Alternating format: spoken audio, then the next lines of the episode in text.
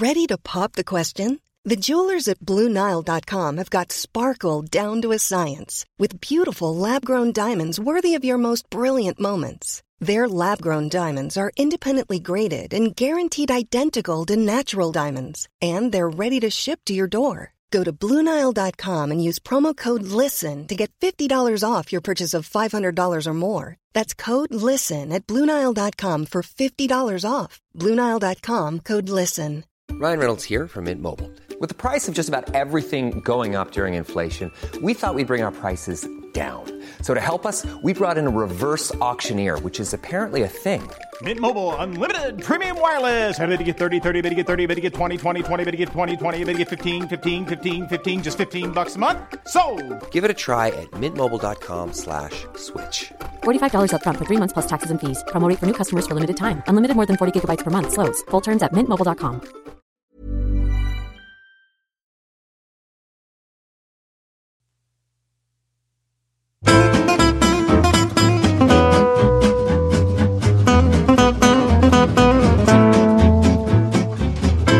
Då kör vi då, då säger vi hej och hjärtligt välkomna till den här veckans episod av Handbollspodden Avkast. Det är Josef Pujol som är med oss nerifrån Frankrike, det är Charlie Sjöstrand som är med oss nerifrån Partille och det är Emil Sjölin som håller i trådarna ifrån Värmdö kommun, Sverige, eller hur?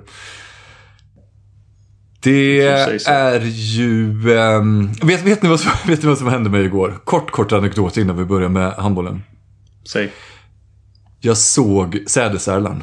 Oj, våren är Jag här. satt, ja, nu är det. Jag satt och drack en kopp kaffe på baksidan och eh, döm av min förvåning när eh, inte mindre än två sädesärlor eh, slog sig ner i trädgården och vippade lite sådär härligt med stjärtfjädrarna. Så nu, eh, nu kan vi officiellt ta ut det då. Alla de tre stora vårtecknen är icheckade. Vad glad jag är för dig. Välkomna till våren. Jag har varit där några veckor nu.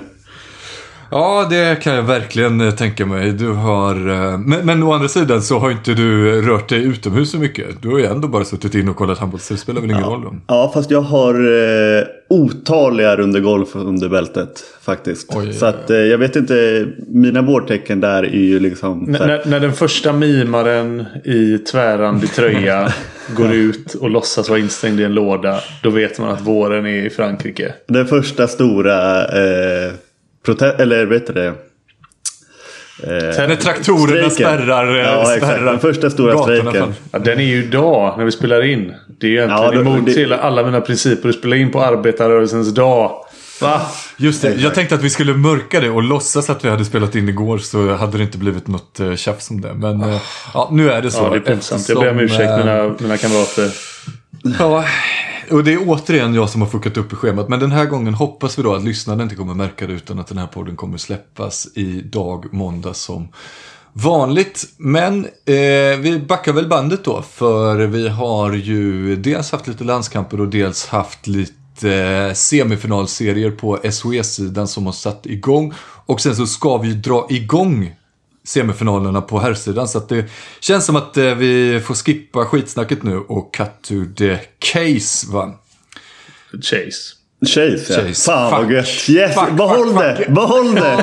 Jag, behåll det. jag, jag satt och hade 50-50 i huvudet. Och bara, vad kan det vara, vad kan det vara, vad kan det vara? Ja, ja. Det får behållas. Det är andra veckan i rad då som jag också fuckar upp med eh, ordstäven. Genant. Ja. Var det engelskan förra gången också? Jag borde inte... Du kanske ska jag hålla borde- dig till din, Ja, dina jag- ämnen. Verkligen så. Engelska bottnar jag inte i på samma sätt. Eh, nåväl, vi börjar med Hör Önnered. Där Hör eh, satte ner foten rejält.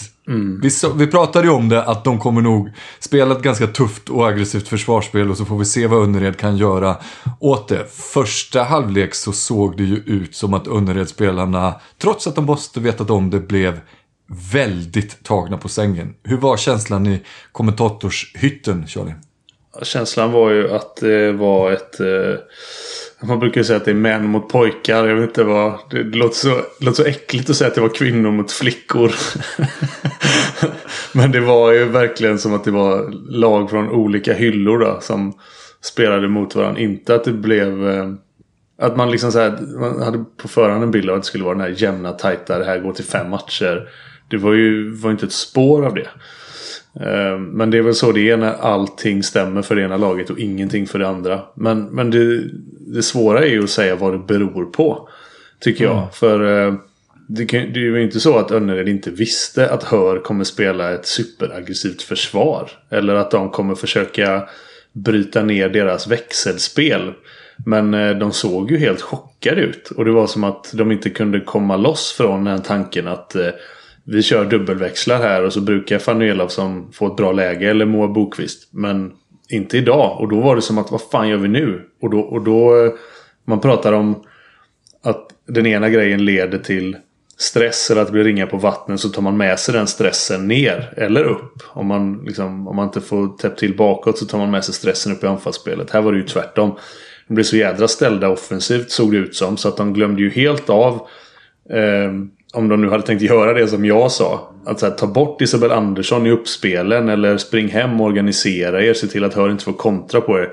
Det alltså, sprang ju hem som yra höns och blev söndertryckta.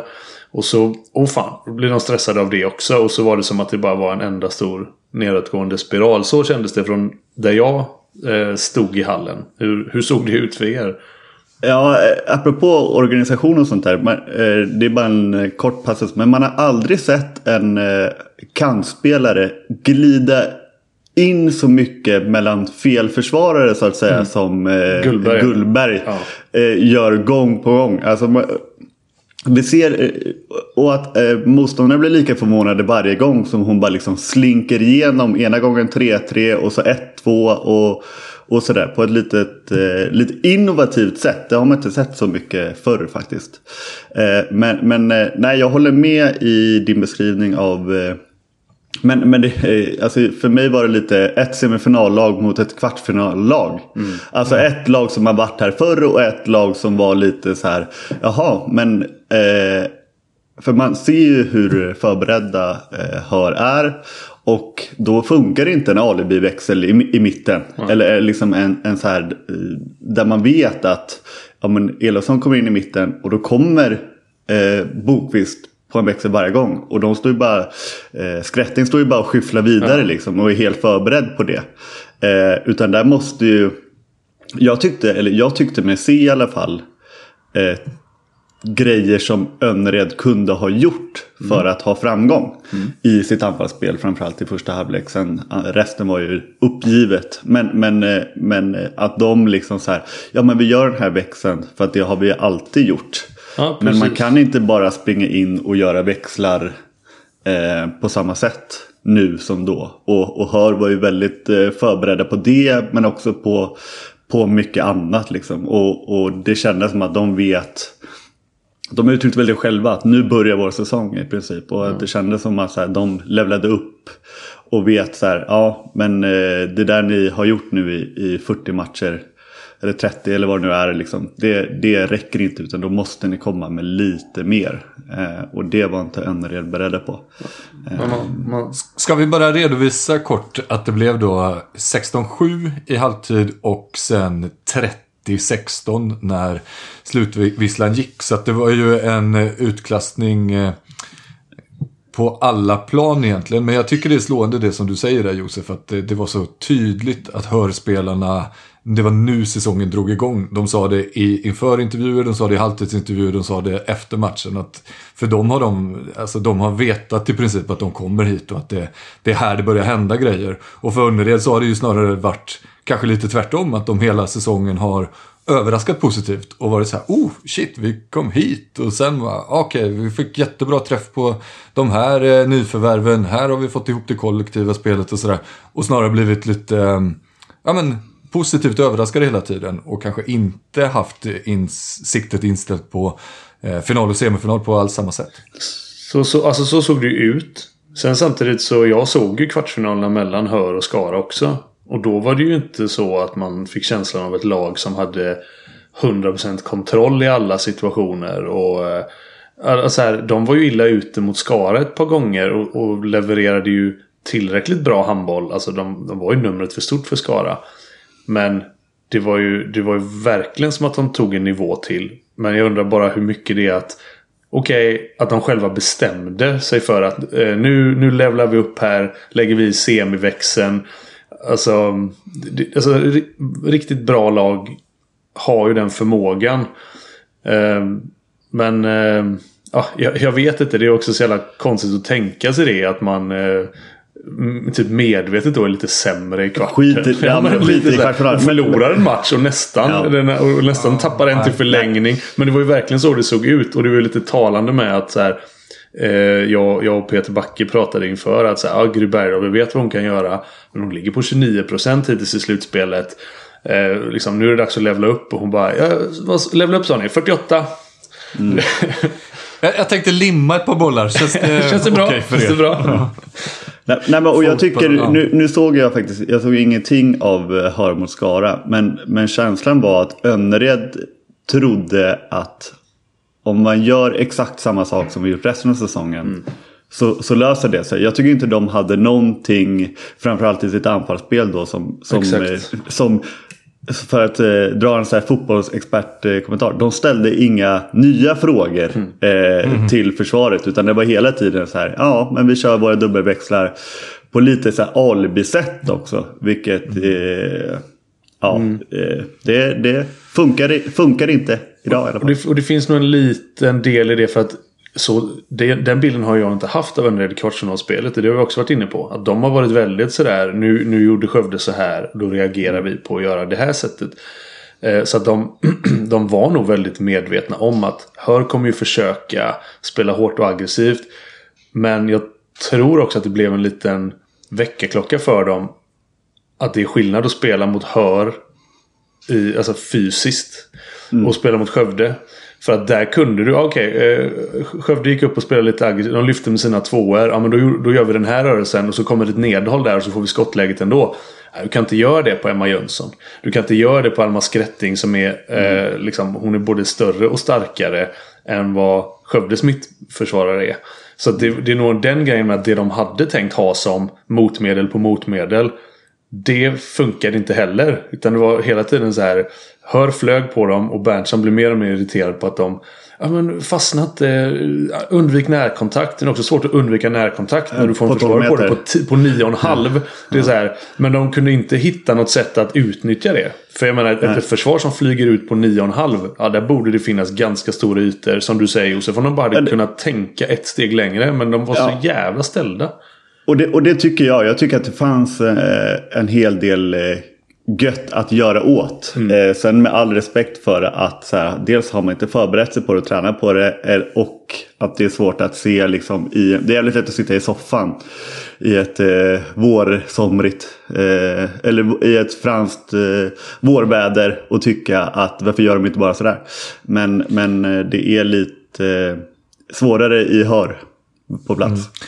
Men om vi leker med tanken då att eh, Christian Berntsson tar åt sig eh, av typ eh, det här möjligheten eller kritiken eller vad vi nu ska säga det, att tweaka det på samma sätt som han gjorde i kvartsfinalen till nästa match som är onsdag. Eh, vad ger ni Önnered för möjligheter att på hemmaplan ändå knipa nästa match? Är det, är styrkeförhållandena 14 måls differens eller finns det goda möjligheter för det? Jag tycker absolut inte att det är 14 måls differens med de här lagen. Alltså, som jag sa, det, det, här är, det här är resultatet av ett lag som fick allting att stämma. Fick full utdelning på de spelarna som, alltså Cassandra Tolbring, det är nog, jag har aldrig sett henne, jag har inte sett henne så här bra sedan hon kom tillbaka till SOE. Hon, hon, alltså allting hon gjorde blev kanon. Liksom varenda tittfint, varenda passning uppspel.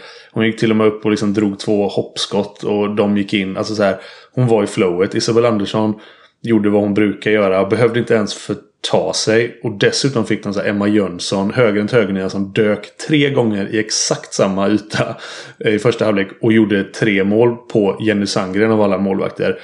Liksom allting stämde bara. Som du sa, Ida Gullberg. Två, tre gånger. Hon bara så här, nu går jag in mellan 1-2. Nu går jag in mellan 2-3. Det var så här. Allting bara satt. Försvaret satt, anfallet satt och Önnered gjorde väl kanske sin sämsta insats som jag har sett den här säsongen. Då, då kan det bli 14 mål. Jag tycker styrkeförhållandet när Önnered ska ta emot Hör 50-50. Men det är nyckelmatchen. Alltså match två mm. är alltid så jävla viktig. Så att de, det, det är nu eller aldrig. Förlorar Önnered nu, då finns det ingen återvändo. Då, då, ehm, ja, om de lyckas ta en på bortaplan skulle förvåna mig. Men de måste ta den här matchen. Um, vi, vi stod och kliade oss lite i huvudet som sagt efter matchen så här och undrade vad, ja, vi, vi såg hur det blev. Frågan är varför det blev som det blev. Och då mm. kom eh, han som var, som var speaker på den här matchen. Som också brukar vara speaker på Kristianstads matcher och Lugis matcher. John heter han. Eller så här, åker runt och är speaker i Skåne i allmänhet då. Han bara sa direkt. Ja, det är bussresan. Så, att, så det, det, var hans förklaring. Det är klart det är bussresan. Det, det måste vara bussresan. Komma till Hör. De har inte ens en McDonalds i Hör. Hur kul är det att åka hit? Och bara, här, ja, wow, det har jag aldrig tänkt på att de inte har. Köper det. Ja, så då, där, om, om, om John har rätt. Då borde ju Önnered vinna nu då. Eh, ja, med 14 Och gör de det. Då ska jag ta McDonalds-spåret på allvar här faktiskt. Ja, vi får se. Det är kul med en eh, ny vinkel om inte annat. Vi trodde ju på förhand att den här matchen skulle bli jämn och så trodde vi kanske att eh, Sävehof lite enklare skulle städa av Skuru. Men det visade sig bli tvärtom. Lite publikfest nere i Partille, över tusen på läktaren, tror det var 1100 någonting. Eh, och en riktigt jämn och god fight där Magnus Oskarsson Söder fick eh, ganska bra träff på sina taktiska drag. Vill du ta lite eh, start på det här resonemanget då Josef? Vad, vad var det som eh, Skuru gjorde bra till en början som fick den här matchen att bli så jämn som den faktiskt blev? Ja, jag tänkte bara börja i publikfestgrejen. Alltså, jag tycker att det var väldigt läckert eh, med en, eh, alltså om jag såg rätt, en hel kvinnlig eller flickig då, kamikaze-klack i princip. Eh, att det även liksom där representerar ungdomsföreningarna och, och stöttar. Det tyckte jag var läckert. Eh, men men eh, nej, jag, jag var eh, superimponerad av eh, Skuru. Eh, och lite också som vi sa förra veckan är ju att, att de enda som eventuellt tror på det här är ju Skuru själva. Och, nu det är ju det viktigaste. De, Exakt, och nu känns det som att de verkligen också fick eh, vatten på sin kvarn. Alltså även om de... Eh, jag tror inte att det här resultatet knappast ger dem mindre tro på det. Att de kommer kunna göra bra resultat mot Sävehof. Eh, med det sagt så, så, eh, så kändes det verkligen som att de var förberedda eh, i sitt anfallsspel och hade pratat om hur de eh, hur de ville spela. Jag tycker att, och jag tycker att det var den stora skillnaden mot andra halvlek. Att de liksom lite kom bort från det här. Eh, det känns som att de hade tryckt mycket på att våga. Framförallt från kanterna. Alltså de har ju eh, två landslagsmeriterade kantspelare eh, som de tror väldigt mycket på. Eh, I eh, Bergsten och Johansson. Eh, och eh, Sävehof vill ligga högt med sina ettor, ligga lite och, och, trycka in och tjuva lite. Och där det tycker jag att var tydligt med. Alltså, så många diagonalpassningar har jag sällan sett i en enda halvlek. Eh, att de, att, och det fick de verkligen utdelning på. Eh, men fick inte riktigt eh, till det i andra halvlek. Också i sam, samband med att Bunsen var ju mycket bättre i andra. Eh, och om vi bara snabbt ska redovisa då så ledde ju Skuru med 14 eh, mål emot 12 i halvtid men torskade sen 28-27. Mm. Och, eh, och att de eh, i vanlig ordning visserligen eh, trycker väldigt, väldigt fint och bra i sin andra fas oavsett om de släpper in mål eller, eller inte. Liksom. Så att, nej, jag tycker att jag blev imponerad av Skure hur, jag, jag, som inte, jag följde den, eh, jag hade på, till skillnad från när man åker med vissa andra så eh, sätter jag inte upp skärmen i bilen hem och tittar på matchen. Men jag hade på den så att jag kunde höra Daniel Kristiansson och Jenny Linnell eh, under tiden jag var på väg hem från Hör. och eh, jo, det jag tänkte fråga var, jag var lite inför nyfiken på hur Skuru skulle spela försvar. För jag upplever att Skuru ofta praktiserar det som du precis beskrev att Sävehof gör. De packar in väldigt mycket. Eh, vill vara köttiga i mitten, inte tillåta mittsex och komma till avslut och, och, och sådär. Och så lever de med såklart Ganska gärna. stora vinklar. Ganska stora vinklar. även Ja. fast jag tror att de är lite väl stora mot vad de skulle vilja. Men Ja. det, man kommer undan med det ganska ofta. Mot rätt många lag i SHE så kommer du undan med att släppa hyfsat stora kantlägen. Särskilt när du Mm. har en målvakt som Josefine Nordström då. Och jag var lite intresserad av hur, hur fan de ska göra mot Sävehof nu då. Som har en annan dignitet av kantspelare. Men var det... Ja, hur, såg det ut? Var Ja, det, nej, jag, jag tycker det var inte alls eh, samma sätt. Eh, på, på, alltså Sävehof praktiserar lite samma sak i sitt försvarsspel. Och där kändes det som att... Eh, eh, men Skuru tycker jag var lite, stod lite längre ner med sina ettor.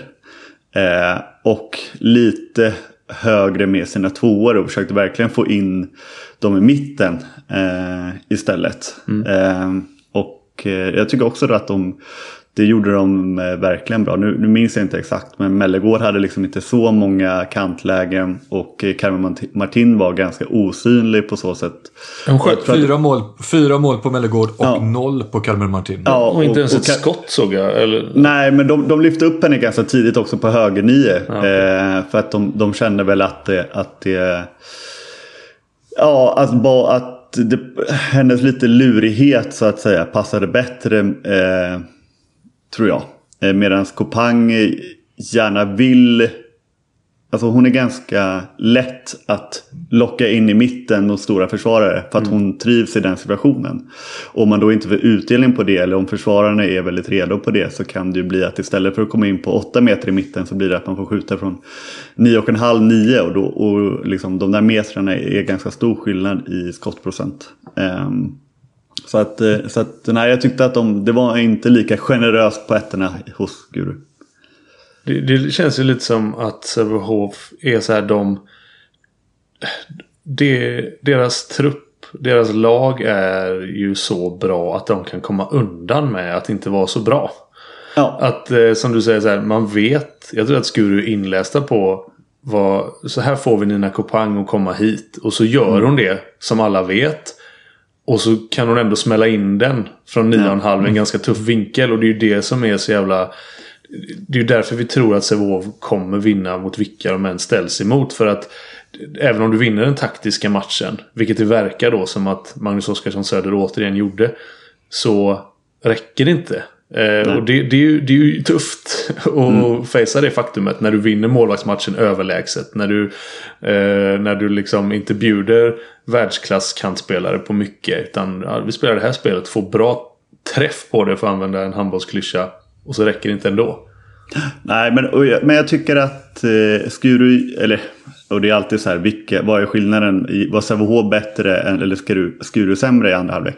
Men, men eh, Skuru gjorde inte en perfekt match. Eh, även om de kanske gjorde en perfekt första halvlek. Eh, så klarade de inte riktigt att hålla, hålla i det. Och Sävehof var lite aggressivare också i, i i andra eh, åt upp det där försprånget och så, sen fick Skuru jaga lite. Eh, jag stängde faktiskt ner matchen när det var typ så här matchminut 54 för då tänkte jag nu kändes det klart. Men ja, sen då ledde de med 4-5 eller Då ledde de med 4-5 och sen så, men sen så liksom kröp de närmare mot slutet ändå och, så att det bara blev till 1. Eh, men, eh, men om de ska vinna borta då behöver de ju göra en perfekt match i 60 minuter. Eh, Nordström klarade inte riktigt heller av att hålla, ha samma första halvlek som eh, och Bunsen höjde upp sig andra och lite sådär grejer. Men, men det, jag tycker i alla fall att jag tror att Skuru bevisade för oss och för sig själva att möjligheterna finns. Även om Savo fortfarande är favoriter såklart. Och bussresa nu då. Om bussresan stämmer då är det Ja, alltså, exakt. De har väl McDonalds i Nacka i och för sig men Det är- Och det är mycket McDonalds på E4 på Ja, vägen där. Det, McDonalds i, i Skuru är supernära hallen. Ja, alltså, jaha, det är faktiskt bara precis på andra sidan motorvägen. där. Ja, så det är helt otroligt. De, kan, de kan gå faktiskt i ha- halvtidspausen och eh, ta en dubbel cheese och sen kommer det, känns ju betryggande för Sävehof i alla fall. Men eh, nej, alltså det, är det är ju såklart samma här. Det, jag säger, alltså match två tycker jag en serie av fem. Match två är alltid nyckelmatchen. Det är så oerhört sällan som man, ett lag kommer tillbaka efter att ligga under med 0-2. Eh, jag, jag kan bara dra mig till minnes att just Sävehofs herrar gjorde det mot RIK. Eh, för, Det året de vann va? Eh, ja, vann de sen? Det tror jag inte de gjorde. Ah, okay. Men, Det var, det var RK kom trea i serien det året tror jag. Och det var liksom... Ska det här vara året när RK faktiskt går förbi kvarten? Och de ledde med 2-0. Och så, ja, sket sig. Men det är liksom det är den enda jag har top of mind där det har hänt. Det händer väldigt sällan. Så det, de måste ju få till, som du säger, en fullträff nu i, i Nacka bollhall. Imorgon 19.00 kan vi... Eh, Ja, redan. Läckert. Så att det gäller att hålla ögonen öppna och vara på tårna och sådär. Ja, och det kan ju då vara lite problematiskt tänker jag. För där har vi återigen styrkeförhållanden mellan lagen i bredden. Att som du säger Josefina Nordström. Visst på målvaktssidan är det väl inte så himla stor skillnad. Där har ju också Sävehof en väldigt uttalad detta nu när Wilma Kron Andersson inte längre finns att tillgå. Men annars det här med att spela tätt. Det är ju också en fördel. När du har, alltså så här, Amelia Lundbäck måste vara svinbra. Eh, Du nämnde Jennifer Johansson och eh, Klara Bergsten. Ja, men om liksom, de har två, tre dagar på sig att ladda om nu då. Sävehof har ju lite mer att plocka in. Eh, från Ja, bänken. men jag ty- tycker faktiskt båda, jag tycker att båda gick runt ganska likt på så sätt. Alltså, Ja, det är ju bra. eh, men det är klart. Nej, men det, jag tycker inte att det var så att, att Skure gick inte liksom eh, jättemycket smalare än vad Sävehof gjorde. Eh, tycker jag inte. Eh, Tycker jag också, en läcker detalj, jag vill, jag vill verkligen nämna det här. Eh, apropå så här taktiskt, hur förbereder man sig? Eh, att under då utvisningsminuterna, och det här har jag bara sett en gång förut. Eh, när Skuru fick en utvisning, då likt alla andra lag så man, sätter man ju då målvakten på bänken. Eh, och då eh, bytte Skuru målvakt. Så att det var Moa Björk då som var eh, boxplay-målvakt. Special teams. Ja, och det, och det här antar jag är för att hon då är snabbare På i 60 meter. löpningarna in. Ja, i alla 20 fall meter. 25 eller vad det nu är. Från, eh, och, vi- och vilket jag, det har jag som sagt bara sett en gång förut. Och då var det Spaniens landslag som praktiserade när Arpad Sterbic var första målvakt. och Gonzalo Pérez de Vargas var andra keeper. Då visste man så här, ja om du ska sprinta in här för att förhindra ett mål. Då, det kan inte vara Sterbic liksom. Nej, men ry- ryktet var väl också att Sterbeck själv eh, vägrade. Att han sa så här, "Ah, men ska ni hålla på med att eh, byta ut målvakten i 5-6 och hålla på med 7-6 och sådär. Äh, då, är, då är det inget för mig. Sådana lag vill inte jag spela i. Jag, håller, jag står i målet och sen... Jag vill inte förnedra mig med det här. Jag kommer vara, jag kommer vara långt efter varje gång. Ja. Ja, det är ju, det ju roligt att bli jämförd med Sterbyk som målvakt. Kanske inte för just den här grejen dock. Ja men alltså Sterbeck var grym på att rädda bollarna. Det är Josefin Ja, Nordström också. exakt. Och I alla fall när de började med handboll. Då var det liksom eh, Då var det deras enda You uppgift. had one job, now you Exakt. have two. Exakt. Det var inte deras eh, fel att arbetsbeskrivningen förändrades. Eh, men det är i alla fall, jag älskar ju när man tänker till. Liksom. Sen om, jag, Ja. tror, jag tror inte de kommer vinna semifinalen på det. Men eh, det är läckert att se. Och det är ju ganska signifikant. Är man förberedd i även den typen av eh, små, små, små detaljer. Då har man lagt hela pusslet också. Då är man förberedd liksom. Så det, det är en snygg indikation på att eh, det taktiska är genomarbetat. Om vi rör oss eh, ifrån det och eh, kikar förbi eh, landslagsuppehållet lite grann. Vi kan bara då snabbt konstatera att Sverige slog Tyskland komfortabelt och fick stryk mot Danmark. Är det någonting vi ska ta med oss ifrån det här landslagsuppehållet? Och det är ju att eh, Christian Albinssons eh, sådana Holdet-lag aldrig kommer bli så likt igen. Eftersom eh, Paul Drux drog hälsenan mot Sverige. Så att eh, nu vet jag fan vem som ska vara stommen i, eh, i Albinssons lag här när det blir mästerskap igen i januari. Nej, det är nästan svår, svårt att tänka sig vad han ska peta in för spelare där. Jag, själv så sitter jag och håller en tumme för att eh, Henrik Pekeler gör comeback i landslaget så att jag kan bygga mitt lag kring honom. Och Gensheimer såklart. Ja, Som har, han har, fått, han har fått tillräckligt med chanser nu. Ja, är- nej, det är väl det enda. Nej, men det var tråkigt. eh, Nej, det är faktiskt det enda jag tar med mig från de här landskamperna. Eh, det låter väl vettigt. Eh, Färöarna eh, kan Ja. man väl ändå bara glä- glädjas åt att de tog sig vidare. Ja, och, nu ska jag ta en lite negativ vinkel här. För att eh, de har ju fått så mycket hyllningar och det bor bara 50 000 där. Och det är så starkt av dem att eh, gå vidare, eller kvalificera sig till EM. Men alltså, det, det här är väl... Eh, nu blir jag fan osäker. Men, men de har ju utökat lagen väl till det här mästerskapet. Så det är ju 24 Till EM också? lag. Ja, det är 24 lag med. Vad är det i VM? Eh. Eller också 24? ja. Ja, men från i- skill- från skill- tidigare Skillnaden EM. är väl att antal länder i Europa är typ 24. Ja. Exakt, så att, så, så att de lagen som liksom inte är med i, i det här handbollsmästerskapet. För Georgien till exempel har ju också kvalificerat sig. Alltså det är ju typ Ja, det är eh, Är det länder fortfarande Sergej Datukashvili eller? Som spelar där? Nej, men det är ju så här länder som knappt spelar handboll. Eh, men, eh, ja, men det är väl kul ändå. Eh, Mm. att, Kul, men inte så imponerande tycker du? nej, alltså Italien Nej. åkte... Italien liksom föll på målsnöret. Eh, Så att det säger väl en del om att det här mästerskapet resultatmässigt kanske inte kommer, kommer påminna en del om VM. Det kommer inte bli det jämnaste av... Det, det är inte som den där klassiska att man säger ja ah, det är svårare att vinna ett EM för alla matcher. eh, Nej. Du måste, nej, det, det kommer inte vara så längre. Nej, tyvärr. Bra men dåligt, mest dåligt. Som Ilja Puljevic sa en gång. Men, eh, och bara kort kan vi väl konstatera att Danmark gör det så jävla härligt som förlängde med Nikolaj Jakobsen till 2030. Den är faktiskt helt sjuk.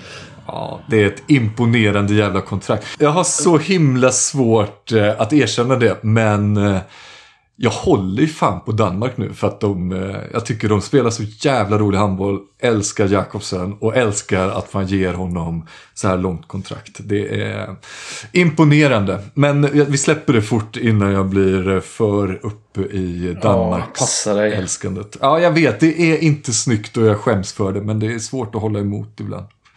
Om vi rör oss eh, vidare då så eh, är det ju hög jävla tid nu att snacka upp eh, handbollsligans semifinaler. Och vi kan väl börja i IFK Kristianstad mot Hammarby eftersom de kliver ut på arenan först. De har ju sin match redan onsdag den tredje. Eh, krockar ju då med SOE där. Men sen så eh, kliver Sävehof Ystad in fjärde. Men vi börjar med Kristianstad-Hammarby då. Vad finns det för krokar att eh, hänga ut här? Vad är det viktigaste att hålla koll på? Ska vi gå på, ska vi gå på Maggen eller?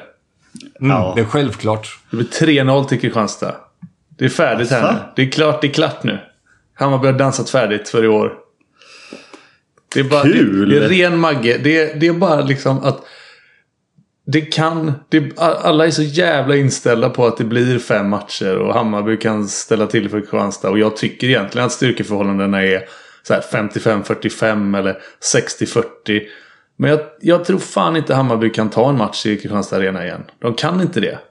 Och då är, vi åt, då är vi tillbaka på det här att det är den där jädra match två. Så allting hänger på den jädra match två. Och Ja. där, kan lika, där, där kan det bli som Josef varit inne på tidigare. Att det är, man vill så mycket och så blir det ingenting. Och så ser de tillbaka och så... Ja, Ja, det, men, ja. jag, jag, är 100% enig i match två i alla fall. För att jag tror att i match ett nu så säger Maggen att Kristianstad kommer vinna med sju bollar ungefär. Och det kommer vara här, en tydlig seger. Eh, och i match två då så är det ju eh, att Kristianstad har inte förlorat i Eriksdalshallen sen typ så här 2018. Visserligen eh, var det ett, eh, några år där de inte möttes. Men alltså sen Hammarby har kommit upp då så har de tre raka segrar. Eh, och med den fulla hallen som är, är slutsåld sedan en tid tillbaka. Så, eh, men Kristianstad skiter inte i byxan på grund av det. Eh, och, eh, men, men jag tror faktiskt ändå att det blir fem matcher. Det är, det, är ju, det är ju roligare om du har rätt. Och det är mycket... Alltså så här, det finns... Det här är som jag sa, det finns ingen logik att det skulle bli 3-0 till Kristianstad. För jag tycker inte att de är 3-0 bättre. Om man ska uttrycka det. Men det kan Nej. lika gärna bli det.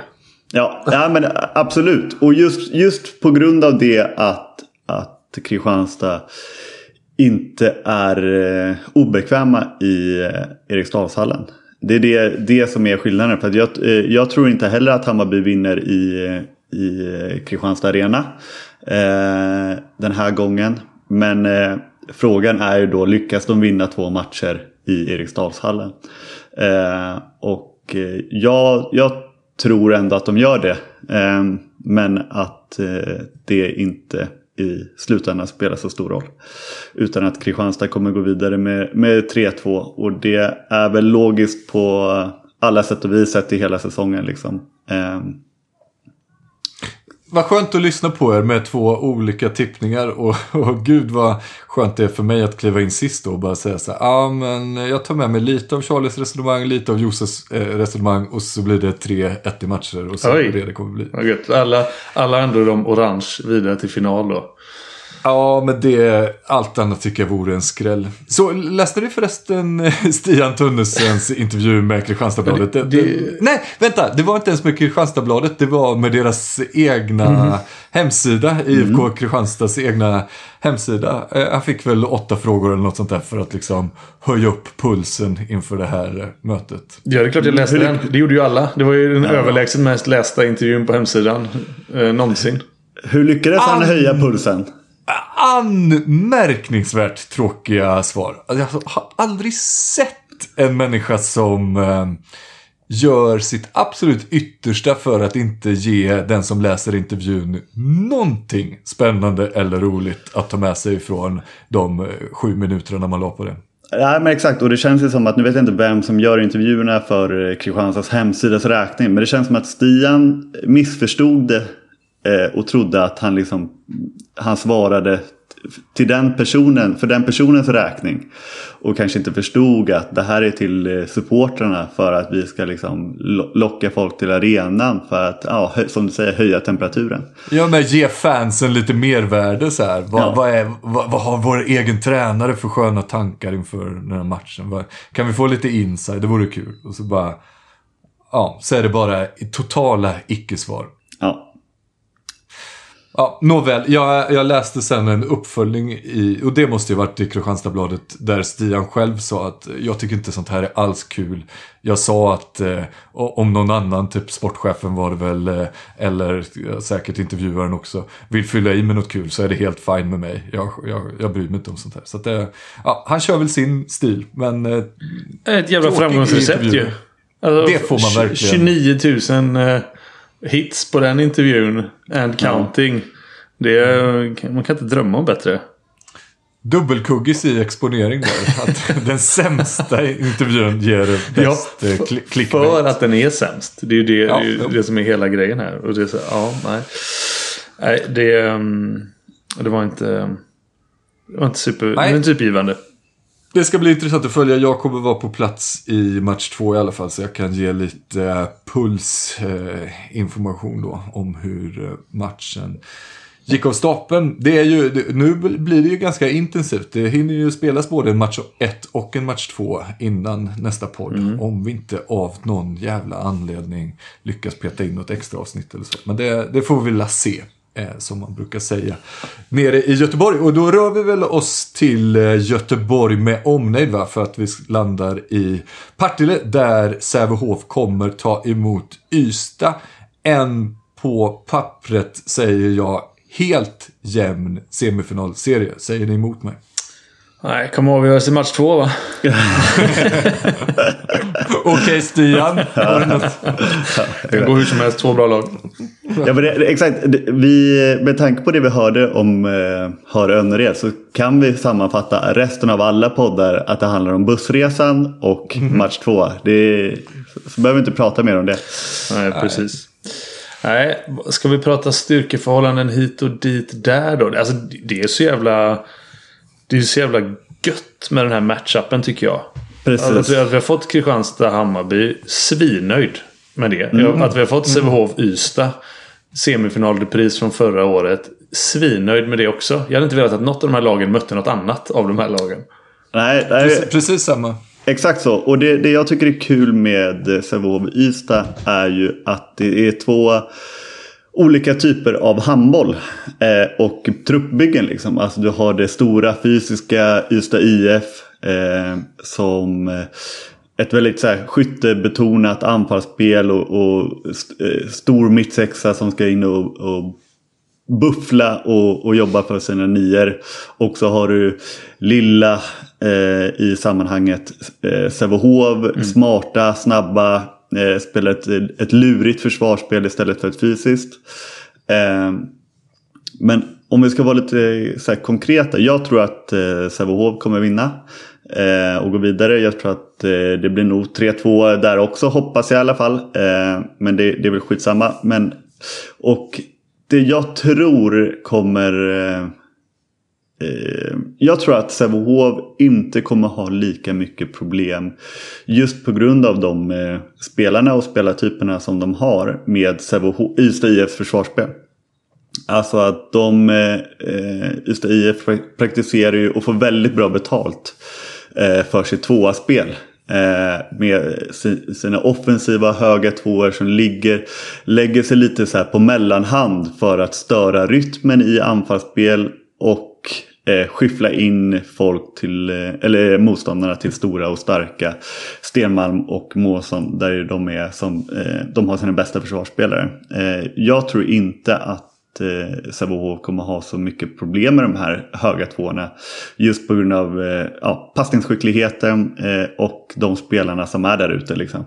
Eh, det, och det tror jag kommer eller fälla avgörandet. Sen är det alltid målvaktsräddningar och bla bla bla. Men jag tror att Ystad inte kommer kunna få till sitt försvarsspel på samma sätt som de eh, gör mot andra lag.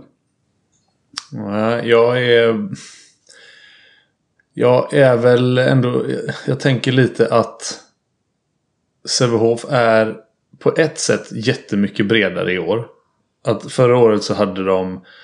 Allting gick ut på att Elias haltade in och gjorde nio mål ändå. Och hälften av gänget var sjuka. Och de var ändå... Alltså, ja, ändå var de ett par missade frilägen från Gissim Salih att tvinga fram om det var en femte match eller vad fan det var där. För de åkte väl i 3-1 va? Var det inte så? Um, ja, skitsamma. Jag är lite, men, men på ett annat sätt är de inte det. För att eh, just den här stora fysiken, alltså det fysiska försvaret som Ystad har. Det, eh, alltså det kan ju inte Sävehof matcha riktigt. Alltså om, om, om, de, om de springer runt deras stora försvar, om det blir den matchbilden att eh, de här stora klumpiga jättarna då inte får tag i de små kvicka. Ja, ja visst, då är det ju fördel Sävehof. Men annars menar jag så är det ju inte så att Sävehof har jättemycket annat att komma med. Det finns ingen Rune Skröder i år som kan smälla in dem från 9,5. Visst, alltså Pontus Brodin har tagit steg. Men det är på sätt och vis tycker jag ett mer begränsat anfallsspel även om du har fler spelare eh, i Sävehof som är tillgängliga. Där William Mancha Moberg är med och Elias är med och Olli Mittun är med. Alltså det är jävligt mycket du måste se upp med. Berlin och Gisim. Alltså det är bra handbollsspel överallt. Men om Ystad IF liksom får bra koll på det. Då, eh, som jag ser det nu då, så är det inte jättemycket olika grejer som kan komma med. Det är sitt 7 mot 6 spel som, som ja. är jävligt bra liksom. Men, men, är... men, omvänt så tycker jag, tycker jag väl inte att det har ju inte Ystad heller så att säga. Men sitt försvar? Eh. Nej, ja eller anfallsspel. Nej, nej, nej, nej, absolut. Nej, men jag alltså... tror nej, nej, nej, det, det håller jag med om. Alltså, jag, jag tror också att Sävehof kommer gå vidare från den här serien. Men jag är... Som sagt, jag tror att just Ystads försvar är det som talar för dem. Jag, jag tycker inte att deras anfallsspel är det som kommer... Eh, ja, det som kommer ta dem förbi Sävehof. Eh, och det var det inte för... Ja, det var det nog fan förra säsongen. För när Julius Lindskog Andersson bara växlade upp och blev sådär Jesus bra. Det, det, skulle vara något sånt då. Men annars är det just, just alltså fysiken i Ystads försvar. Där blir, där blir nyckeln som du är inne på Josef. Jag är inte helt hundra övertygad om att Sävehof kommer lösa det så lätt som du verkar vara inne på. Mm. Ja, för det är jag. Men, mm. men omvänt då så är inte eh, min oro så att säga. Det, det är ju inte en oro. Men det, det frågetecknet jag har är ju Sävehofs försvarsspel gentemot eh, Ystad. Och hur de kommer eh, hantera det liksom. Och vilken typ av formation och, och sådär. Eh, så det är där. Och sen så. Eh, för anfallsspelet också. För Ystad är ju extremt viktigt. Just för att förhindra Sävehofs kontringar. Eh, för att om de får fart på det också så, så blir de, är de ju väldigt jobbiga att möta. Eh, så det, det är ju det liksom frågetecknet eh, jag har. Vet du vad jag känner nu när jag har hört det här? Jag känner mig som en hörspelare där det i kroppen skriker att eh, nu jävlar Är det semifinal? Nu är vi på gång. Det är nu, eh, det är nu vi ska köra liksom. Eh, så det, det ska bli jävligt roligt med den här veckan som ska dra igång. det var länge sedan jag var så sugen på att kolla matcher. Annars, eh, annars är ju eh, typ... Jag tycker att det bästa är att kolla handboll egentligen tidig höst och sen januari. Sen brukar intresset eh, lite gå neråt för mig när det eh, är liksom så här kvartsfinaler och sådär. Men nu, nu i semifinalerna, nu kliver vi på det igen va. Och det är ju nu det är, alltså, faktiskt bokstavligt talat drar igång på riktigt med. För att det inte är massa landslagsuppehåll kvar Mm. som ställer till det. Att du får, efter den ack så viktiga match två så är det tre, tio dagar innan match tre spelas. Utan nu är det ju fan fullt jävla ställ här hela vägen fram till eh, första juni om det går till fem matcher i herrarnas final. Det det är bara att rulla på här nu. På både dam och herr. Ja, ja, ja. ja. Det är bara, det, det bara höra, jag läser handbollsligans här då. 3 maj, 4 maj, 7 maj, 8 maj, 9 maj, 11 maj, 12 maj, 14 maj, 16 maj, 16 maj. Och då ska du ha in SOE däremellan som exakt. är 2 maj, 3 maj, 8 maj, 9 maj, 11 maj, 12 maj, 14 maj, 15 maj. Så att det är ju... Ja, och sen ska du hinna Ja. spela finaler efter det innan maj är slut i princip. Mm. Vi kommer ha, Ja, vi det kommer här ha att göra grabbar. Oj, oj, oj. En annan som kommer ha att göra är ju Kjelle Höglund som kommer få spela nu då en gång i veckan eh, fortsatt. Ja, tack så fan till alla Patreons, tack så fan till alla andra som lyssnar också och eh, på återhörande. Rötterna blir starka när det blåser Luften blir friskare när åskan går det blåser på Genesarets sjö. Och likaså på Gallerieblö Dina kyssar smakar smultron och mjölk. Drömmen ska brinna om ett annat liv. Låt ditt hjärta slå ett extra slag. Låt oss hoppas att det snart blir dag.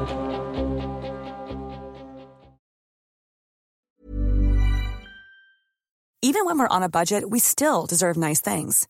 Quince is a place to scoop up stunning high-end goods for 50 to 80% less than similar brands. They have buttery soft cashmere sweaters starting at $50, luxurious Italian leather bags, and so much more. Plus, Quince only works with factories that use safe, ethical, and responsible manufacturing. Get the high-end goods you'll love without the high price tag with Quince. Go to quince.com slash style for free shipping and 365-day returns. When you need mealtime inspiration, it's worth shopping Kroger, where you'll find over 30,000 mouthwatering choices that excite your inner foodie. And no matter what tasty choice you make, you'll enjoy our everyday low prices, plus extra ways to save, like digital coupons worth over $600 each week. You can also save up to $1 off per gallon at the pump with fuel points. More savings and more inspiring flavors make shopping Kroger worth it every time. Kroger, fresh for everyone. Fuel restrictions apply.